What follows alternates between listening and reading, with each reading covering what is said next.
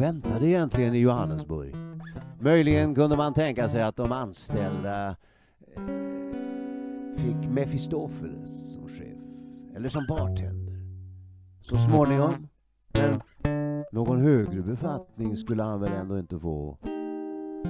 Tillsammans med Luther och en lång räcka andra stofiler gick de gamla stortyskarna över Ätterstupans kant ut i Weimar, arm i arm med lejonet från Norden.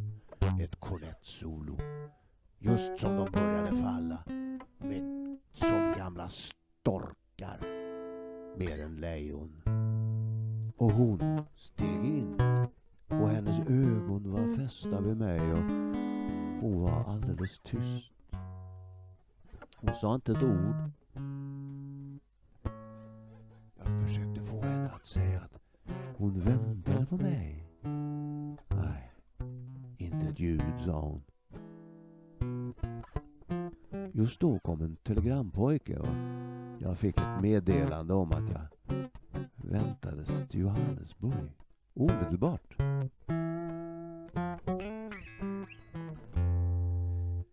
Smedjorna och Saarbrückens byggnader och floderna och säden på de vidsträckta fälten och ölhallarnas stim och sorl försvann när jag var ute på havet igen.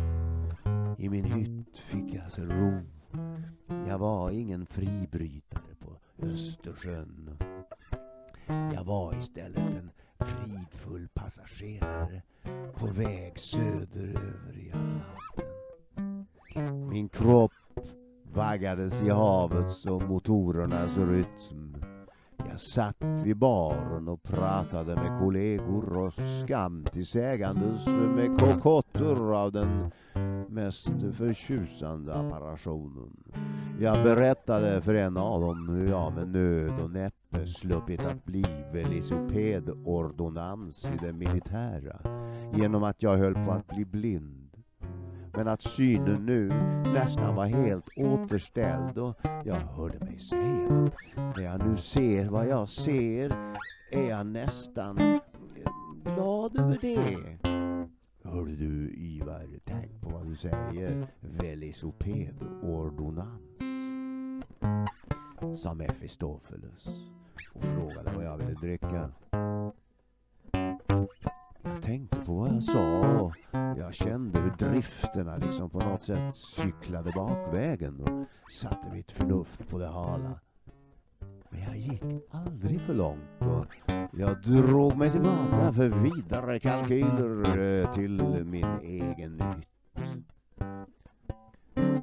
För att stå ut eh, Mm. utan att hemfalla åt onan gav jag mig in på att studera irrigationstekniken i det gamla tvåflodslandet och sökte avleda de vårliga springfloderna när älvarna svällde av smältvatten från turkiska fjäll och kaukasiska glaciärer utan översvämningar.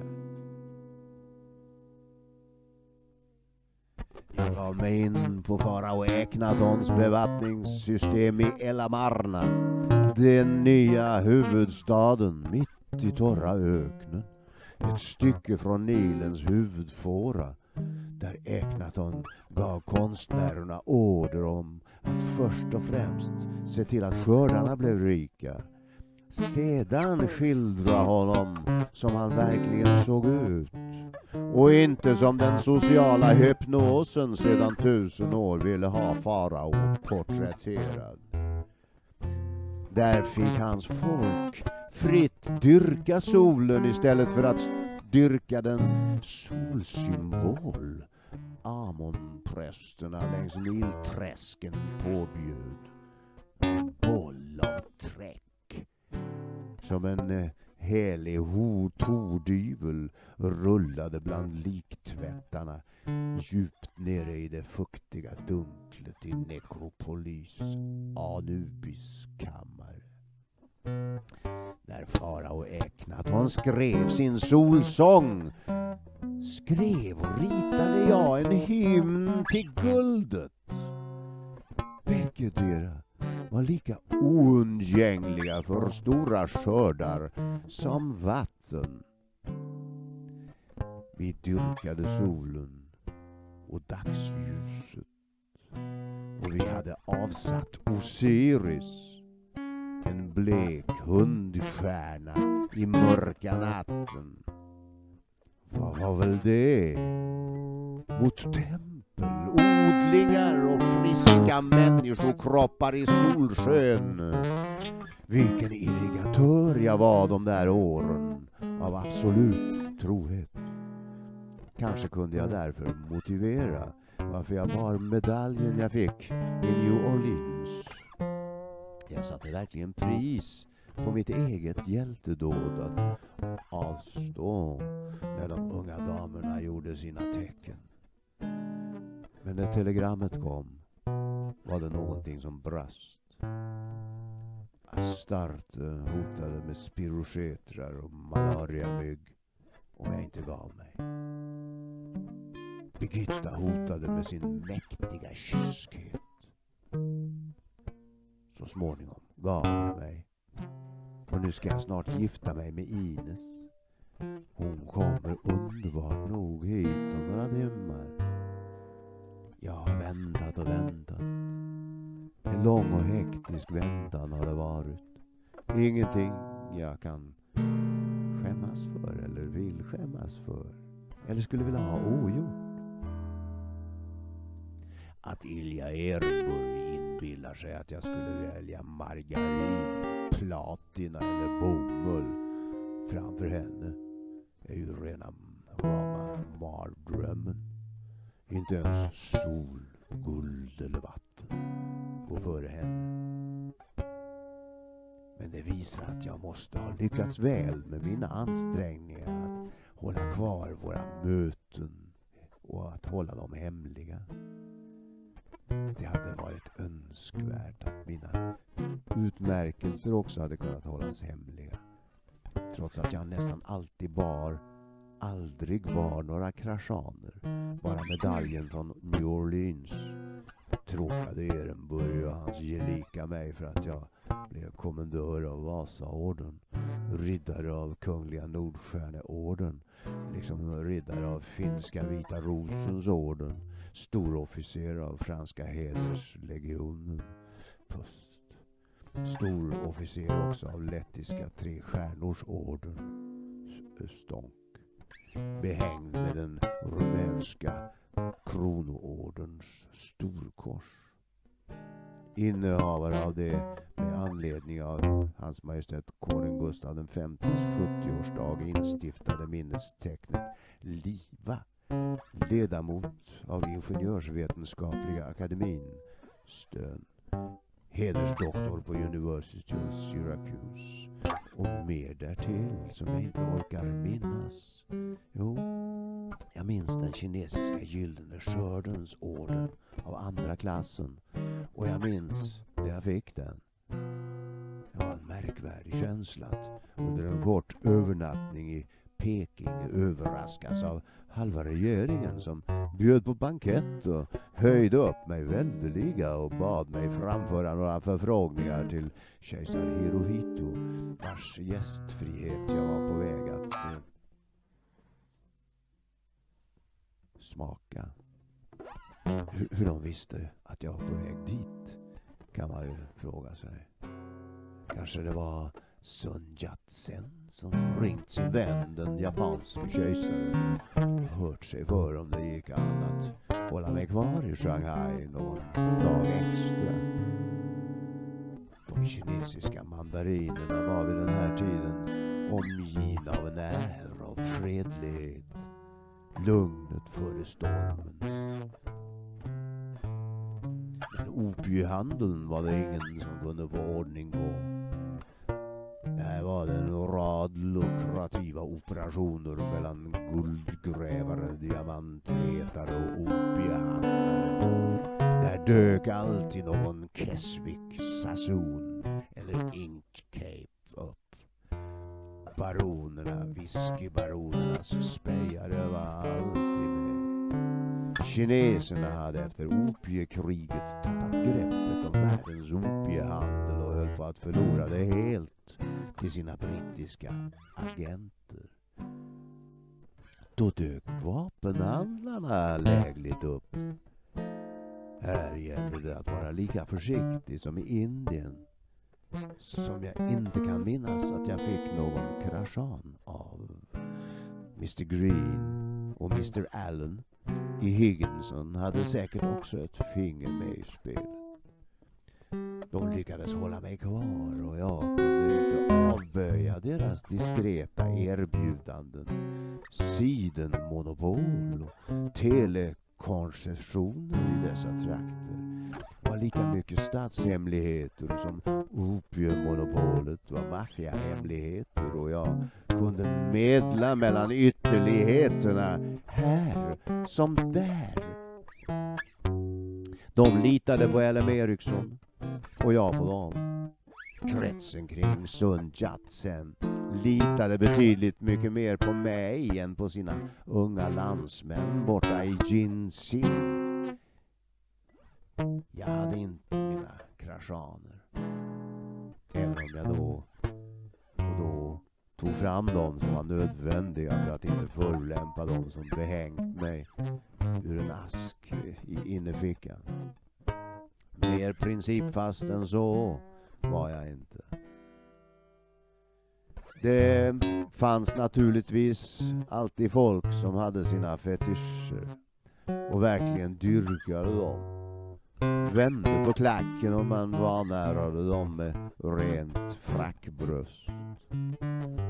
Men eftersom jag eh, ville röra mig fritt och lätt och aldrig stannade på trista tillställningar särskilt länge kunde jag inte kuta omkring som en julgran. Men medaljen jag förärades i New Orleans kunde jag bara bära frivilligt. När jag gick på tillställningar som krävde evening dress eller cutaway och mina väninnor och husfruar fnissade alltid när jag sprang omkring och letade efter den någonstans i klädkamrarna och badrummen. Tänk att man ska bli ihopblandad med krashanfetischer. Fetischister bara för att man gör affärer. Vilket system klarar sig utan att göra goda affärer?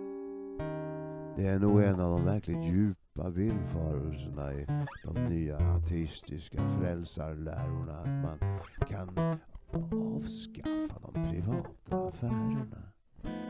De privata affärerna kan inte avskaffas med annat än att människorna själva avskaffas.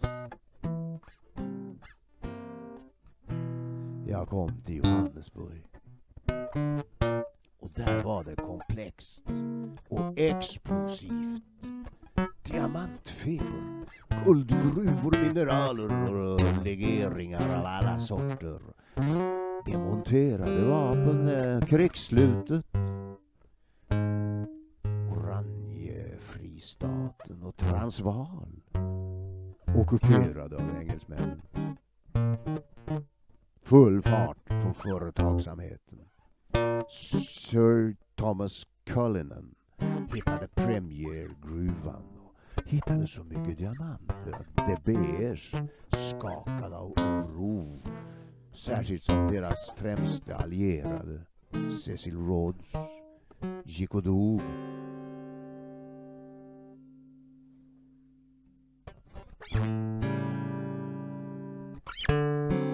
Diamantletning är världens mest Mm. arbetsintensiva verksamhet. För att hitta en fin sten krävs många människotimmars arbete.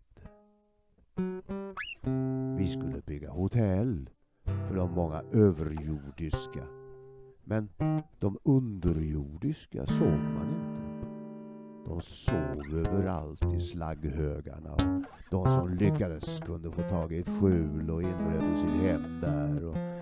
Bordellerna hade deras döttrar och fruar.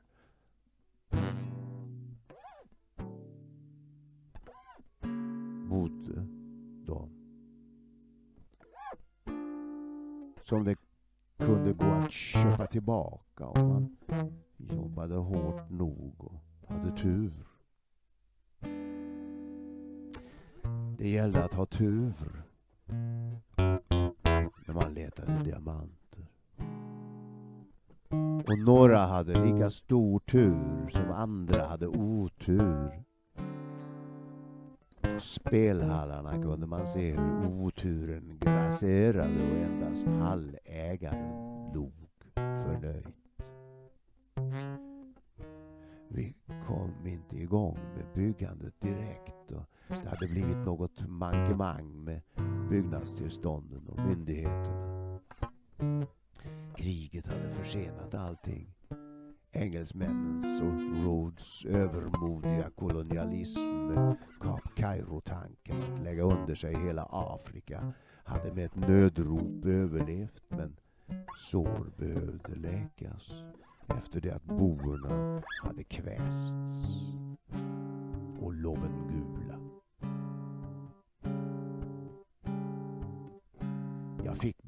på trassligheterna tid och möjligheter att se mig omkring och gjorde en resa i spåren efter min morfar Johan Magnus Fredrik Forsman och hans bror Alrik som eftersom de hade köpt stora landarealer i Transvaal under den första hälften av 1800-talet också ville grunda en svensk koloni där. De ville skapa nya möjligheter för de som drabbades hårdast under de svåra mix, missväxtåren efter 1815. Det var efter dessa år som irländarnas diaspora tog fart. Deras potatisskördar ruttnade under en lång rad kalla och regniga somrar och de svalt och led och tvingades flytta i miljoner över Atlanten. Smålänningarna som hade det lika illa på sina magra jordar bet under tiden ihop och led vidare den svenska regeringen som inte längre hade någon Axel Oxenstierna i spetsen visade inget större intresse, eller snarare inget intresse alls för en småländsk emigration till Afrika. Så bröderna Forsman tog till sist saken i egna händer och utrustade en privat expedition och lyckades elda upp ett stort följe svultna smålänningar att föreställa sig det bördiga vilda paradiset och sälja det lilla de hade kvar. De seglade sedan iväg, ut genom Kalmarsund och Öresund med två större segelfartyg. Och längs stränderna hade massor av folk samlats för att vinka farväl. Allt såg lysande ut till början. Men snart nog, någonstans redan efter passagen genom Engelska kanalen, drabbades av emigranterna av en svår motvind. Och sjöresan tog tre månader. Allt för mycket försenade kom de inte fram förrän mitt i regnperioden. Oturen fortsatte att grina smålänningarna i ansiktet och Gud vände sitt ansikte från dem och floderna svämmade över. Det tog ytterligare tre hela månader att från hamnen ta sig till bestämmelseorten som låg på 4000 fots höjd över havet. Där rådde ett paradisiskt klimat efter det att regnen hade upphört. Men det var för sent och kolonialisterna hade blivit sjuka på vägen, bedrövade och till sinnes och de orkade inte bygga upp sin tillvaro och dog i umbäranden och nöd.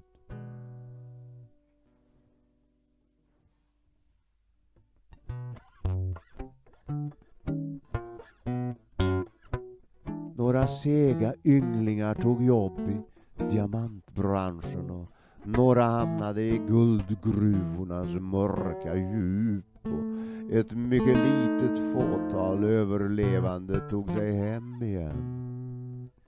Morfar stannade stolt och stursk som han var kvar och tog jobb som lantmätare åt boerna. Men hans far, min, men hans fru, min mormor Gustava åkte hem till Kalmar med deras femåriga dotter, min blivande kära mor. Morfar kom aldrig efter hem. Han följde hellre sin bror i döden där ute i solskenet än återvände som en misslyckad emigrant. Något Forsmania blev det aldrig. Skeppet de seglade ut med fick inte ens sina namn i historieböckerna. Jag besökte morfars grav i sällskap med Jordal och jag berättade det här för honom när vi red genom det storslagna landskapet och det var varmt och torrt. Jordal hade med sig sitt skissblock det hade han i sin axelväska. Och han tecknade några landskapsvyer. Han hade en fin sjung på kolstiftet när han tecknade branter och avlägsna horisonter. Medan han satt och tecknade berättade jag för honom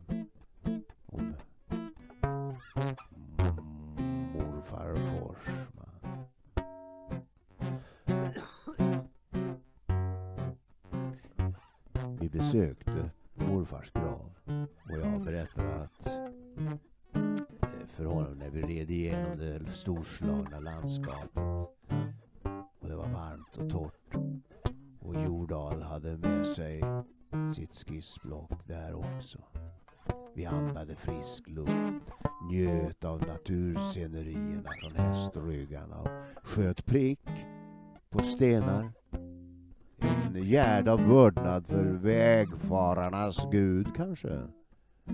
Vid varje resa till och från Olympen bidrog både hög och låg i gamla dagar till förbättrandet av vägen genom att bära med sig stenar och lägga i rösen som reste sig vid kultplatsernas härmer. Det gick ju att skjuta sönder störande stenar också. De bästa skyttarna fick jobb efter kriget. Sikta på de apterade dynamitladdningarna och avlossa sprängsalvorna på distans. Man sparade kanske på utgifterna för stubin. Nej, nu tror jag du lagar något rätt ur tunnelufta. När ett vildsvin kom inom skjuthåll sköt jag med en Steyr Mannlichen M95 mot en gam som kom redan hade börjat cirkla mycket högt i skyn och gjorde en spiralrörelse neråt i luftrummet. Det verkade nästan som en som den föll som en sten ur cirrusmolnen. Det var icke ett bra skudd för dig till att vara, sa Anders och dånade på med sin magasin Lee Enfield. Anders grillade sedan köttet inte långt från en sandöverblåst begravningsplats i bushen. Vi hade talat en del om att öppna en restaurang och jag bestämde mig för att göra ett försök även om Anders tyckte det var föga ståndsmässigt. Ivar, du känner ju att jag egentligen icke synes det är något särskilt gott, god idé. Och det tog ingenjörer i ledande, ledande ställning och driver med restauranger. Men samtidigt känner jag ju de ekonomiska möjligheterna. Ja, så du Anders. Du har insett det du också, sa jag och menade att jag för egen del inte brydde mig ett dyft om det där med eventuella etikettsbrott och att om priset var det rätta var det bara att jobba upp stället och sen sälja det dyrt. Man får väl göra rätt för sitt namn. President Kryger och bryggare Kryger. Var det i familje med tyske kröger på din far din sida?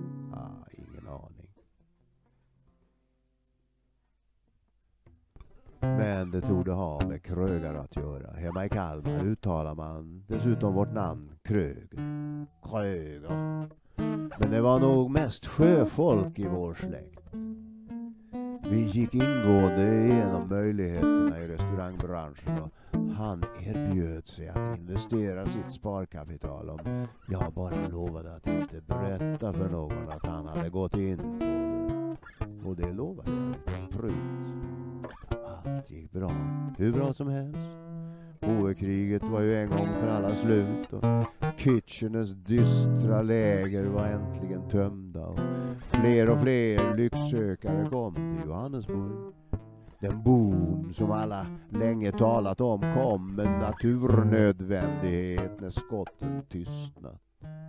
Det var ingenting konstigt med att dra igång en restaurang. Diamantindustrin hade behov för mängder av arbetare och alla behövde de mat för att orka utföra sina herkuliska arbeten. Att bära och hacka, bryta och knacka. Det torde tillhöra finansvärldens element att uh, känna till detta. Det var nästan likadant i Philadelphia, Chicago, Paris och Stockholm när industrialismen en gång skjutit fart och jag kom så småningom att öppna vinkällare och restauranger där också och gjorde så rätt för mitt namn. Bygget av Hotell Carlton kom igång och jag koncentrerade mig på att i grunden och jag koncentrerade mig på stålskelettet och att det kom på rätt plats. Och jag ropade till höger och vänster på alla världsspråk och när arbetsdagen var slut umgicks jag med arbetskamrater som ville ha med mig på rundor i de distrikt där rader av olyckliga änglar skänkte byggherrarna förströelse och lekamlig njutning. Jag avböjde och drog mig tillbaka till min pensionat och skrev mina långa brev och läste allt jag kom över av litteratur och ekonomiska prospekt. Jag satsade på Cullinans bolag. Inte bara efter att ha satt mig in teoretiskt i verksamheten utan efter att ha gjort studiebesök i områden där man började leta på allvar. Jag samlade, talade med stora, mäktiga, vanliga, stora, märkligt vanliga och vänliga gruvarbetare. Och deras chefer. Och det rådde ingen tvekan. Kullinan hade stött på nurik, åder, guld. Tiden flög och jag satte mig in i restaurangdriften. Vi var ett sällskap skandinaver som höll ihop. Och likt Engido och Gilgamesh valde vi vänskapen före bordellerna och alla talade väl om maten och portionernas storlek. Och snart nog hade vi fullt varenda lunch. Och jag kunde erbjuda att betala tillbaka Anders investering redan efter några månader med god ränta. Mm. Gick upp till Anders och la ett kuvert med pengar på hans bord och tackade för hans förtroende. Han såg nöjd ut och sa att det var väl inte så väldigt bråttom. Inte det, sa jag och nappade åt mig kuvertet och låtsades gå ut. Äh, vänt, ropade han. Jag mente inte helt... Jag gav honom kuvertet och vi fnittrade som skolpojkar. Han hyschade när en kollega kom in på kontoret. En herr doktor, doktor med urmodigt hög stark krage som tyckte strypa honom. Han bugade avmätt och gick till sin plats. Anders gjorde en min.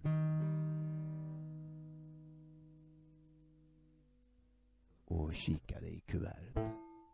Herre min hatt, sa han. Var det så vällycka?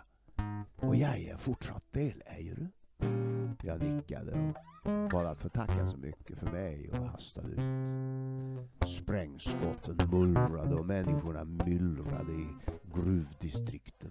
Och Dagbrotten var häpnadsväckande djupa och Nobels eh, nobla dynamit medverkade i transformationen av världen. De hårdaste arbetande rödhårdingarna, här bleka i hyn, kom redan in vid lunchtid för första whiskyn. Jag ställde mig vid kockens sida och såg honom tillreda viltstekar, koka batater och andra rätt egendomliga grönsaker. Jag höll ett öga på en servitris som man viskade om att hon nog drygade ut sin lön en aning med nollstämplingar i kassaapparaten. Hon var snabb och duktig och var nog värd en bättre lön kanske än den hon hade. Ja, jag tyckte att hon verkade ärlig vad en, hennes kollegor sa. Så jag kallade in henne till mitt lilla krypin där jag kunde sitta och skriva och frågade henne om hon var nöjd med lönen. Ja då, Eh, svarade hon och rodnade. Hon verkade lite nervös. Men det är klart, när det är så mycket gäster som vi har haft den senaste tiden är det knappt man hinner med och, och får ju springa väldigt mycket. Okej, okay, sa jag. Eh, du ska få dubbelt så mycket som du har nu. Dessutom ska vi anställa en servitris till. Hon sken upp. Som om hon hade fått högsta vinsten i ett lotteri och såg så glad ut att jag blev nästan generad. Men sen hörde jag aldrig något mer om att hon skulle norpa något i kassan. Något av de and- någon av de andra gnällde något förvisso om att äh, det var fan, ska man behöva stjäla för att få löneförhöjning? Mm. Eller något sådant. Jag, jag hörde det någonstans. Men det blir väl... Men restaurangen var en succé. Många av oss som jobbade där bodde på Holmströms pensionat. Det gick nog lika bra för honom som för oss förresten. Det var alltid nya skandinaver som bokade in hos honom och vi kom lättvindigt i kontakt och berättade historier för varandra och hade trevligt. Jag såg klart hur jag skulle investera i dessa trakter och jobbade oförtrutet vidare med gruvaktier som hade de klart bästa framtidsutsikterna. Jag sålde resten av mina DBR-aktier och skaffade allt jag kom över av premiärgruvepapper. På kort tid mångdubblade jag på detta sätt inkomsterna från hotellbygget och restaurangen. Så kom den onda dagen. Jag stod vid kassan och dunkade med kassalådan som var så sprängfull av sedlar att jag tvingades ta ut en del och slänga en låda under disken. Ernest Oppenheimer och hans kvinnliga beledsagare satt vid ett bord under en hornstor jakttrofé för sig själva och sorterade rådiamanter efter renhetsgrad. De skickligaste diamanthandlarna hade alltid några lätta läromästare ur bordellmammornas krets. De hade ju tagit betalt i rådiamanter i 20 år här. Och vi var erfarna värderare.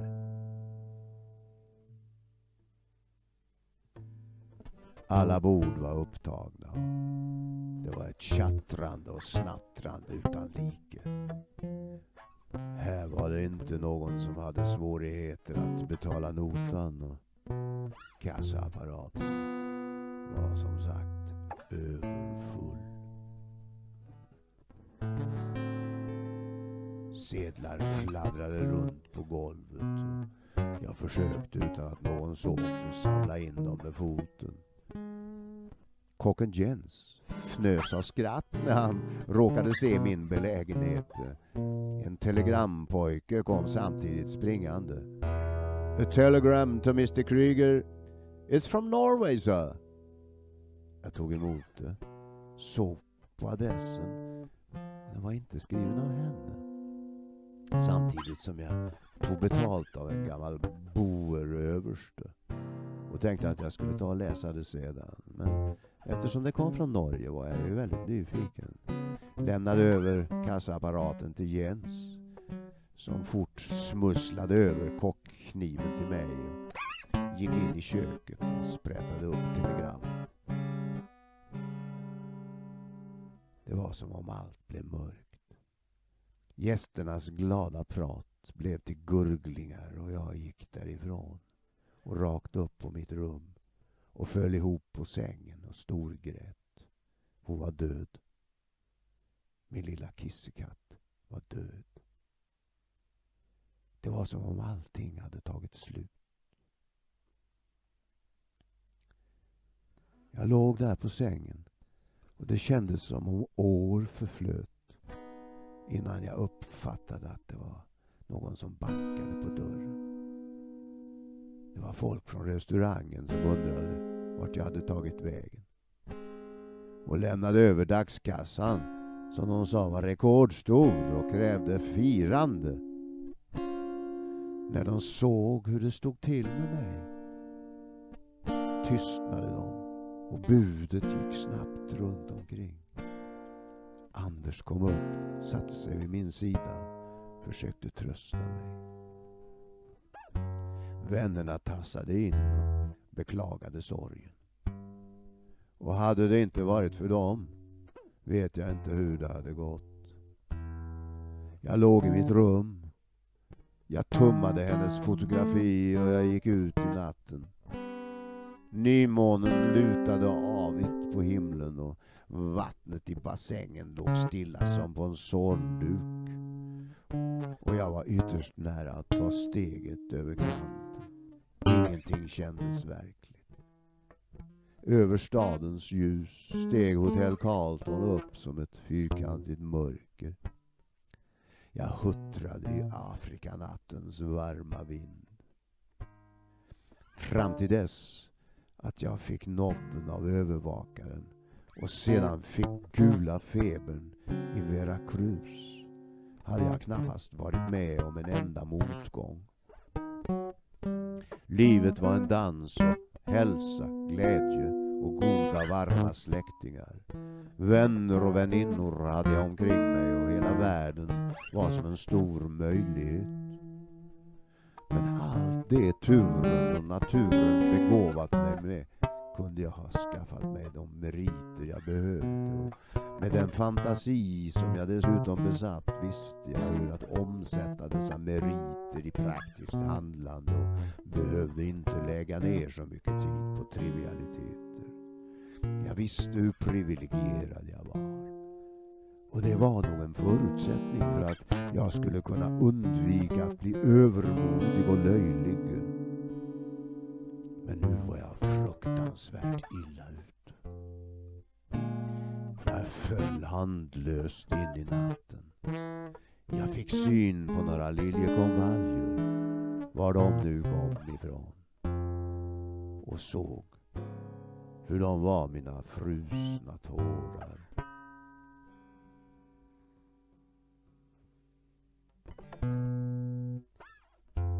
Den förbannade månen hängde fortfarande fel på himlen. Jag försökte skriva brev till mina systrar och kastade bort jag vet inte hur många försök. Jag undrade vad jag nu hade att leva för. Vad skulle jag göra med allt mitt arbetande och alla mina dagskassor? Vännerna bekymrade sig om min Mm. organisera så att jag utan att jag egentligen visste hur det hade gått till stod och hällde champagne i några glas och vi skålade och drack och veckorna gick och det var inte mycket att göra åt sakernas tillstånd. Jag gjorde som jag gjort ända sedan mitt fatala brev till henne. Jag arbetade vidare. När läget var inne sålde jag av allting och tog ett hastigt farväl av vännerna och arbetskamraterna. Som jag skulle stiga på tåget kom servitrisen från Jogur in på perrongen och ville ta farväl. Hon hade rödgråtna ögon. Innan du reser måste jag be dig att få betala tillbaka en liten skuld som jag hade till dig. Hon tog upp en liten börs och gav mig några sedlar. Jag har tänkt göra det länge men inte vågat. Nu kan jag inte vänta längre. Varsågod. Jag blev alldeles rörd och visste för ett ögonblick inte vad jag skulle göra men tog emot småsedlarna och la dem i min egen, till min egen förvåning i portföljen och tog samtidigt tag i ett större kuvert där. Konduktörerna vinkade och en visselpipa ljöd. Hon kramade mig och just som tåget gnisslade igång och gav jag henne, innan hon hann protestera, ett kuvert med gruvaktier som gjorde henne nästan lika rik som och kompanjon med min bäste vän Anders vars axel hon stödde sig emot när tåget började rulla. Jag vinkade, klungan av vänner vinkade. Det stod en regnbåge i tårarna. Efter Johannesburg seglade jag upp längs Afrikas östkust. Jag såg så skarpt igen att jag kunde lugna stjärnklara nätter till havs. Iaktta kolsäcken i Södra korset. Tro det eller ej. Det var som om tankarna på olyckan för en liten tid blev efter på grund av mitt snabba uppbrott. Liksom frånsprungna satt de kvar i väggarna på Holmströms pensionat och i restaurangens skinnmöblemang och inte minst i jakttroféerna där de stirrade ut i matsalen med sina glasade ögon. Under det att mitt fartyg strävade upp mot Afrikas horn. Jag hade föresatt mig att resa och bara resa. Inte för att jag trodde att jag skulle kunna glömma, men jag ville i alla fall försöka glömma. Hamnarna vi besökte i Östafrika var fulla av glänsande svart mystik och dofter. Där fanns gamla högkulturer begravda i djungeln och i strändernas sand och nu verkade det som om man väntade på att få gå in i en ny högkultur. Islams profeter talade om en ny framtid för de undertryckta. Men som vit europé var jag märkligt populär i dessa trakter. Trots att det inte var mer än 40 år sedan slavhandeln upphörde. Jag hade nästan väntat mig ett mer specifikt hat mot min vithet och jag hade inte för ett ögonblick blivit förvånad över det heller.